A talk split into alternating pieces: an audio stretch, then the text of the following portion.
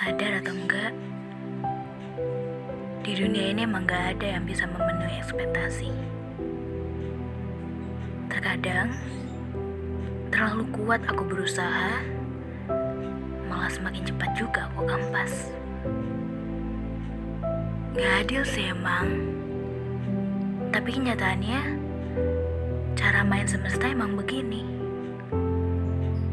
Siapa yang paling kuat, dia yang bakalan bertahan. Dan hidup di atas ekspektasi manusia emang gak mudah.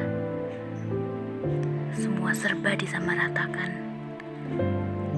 Tuntutan impresi yang harus terrealisasi kadang juga menghanyutkan. Susah sih. Tapi aku sadar bahwa di setiap manusia punya perjalanan cerita yang berbeda? Seperti saat ini.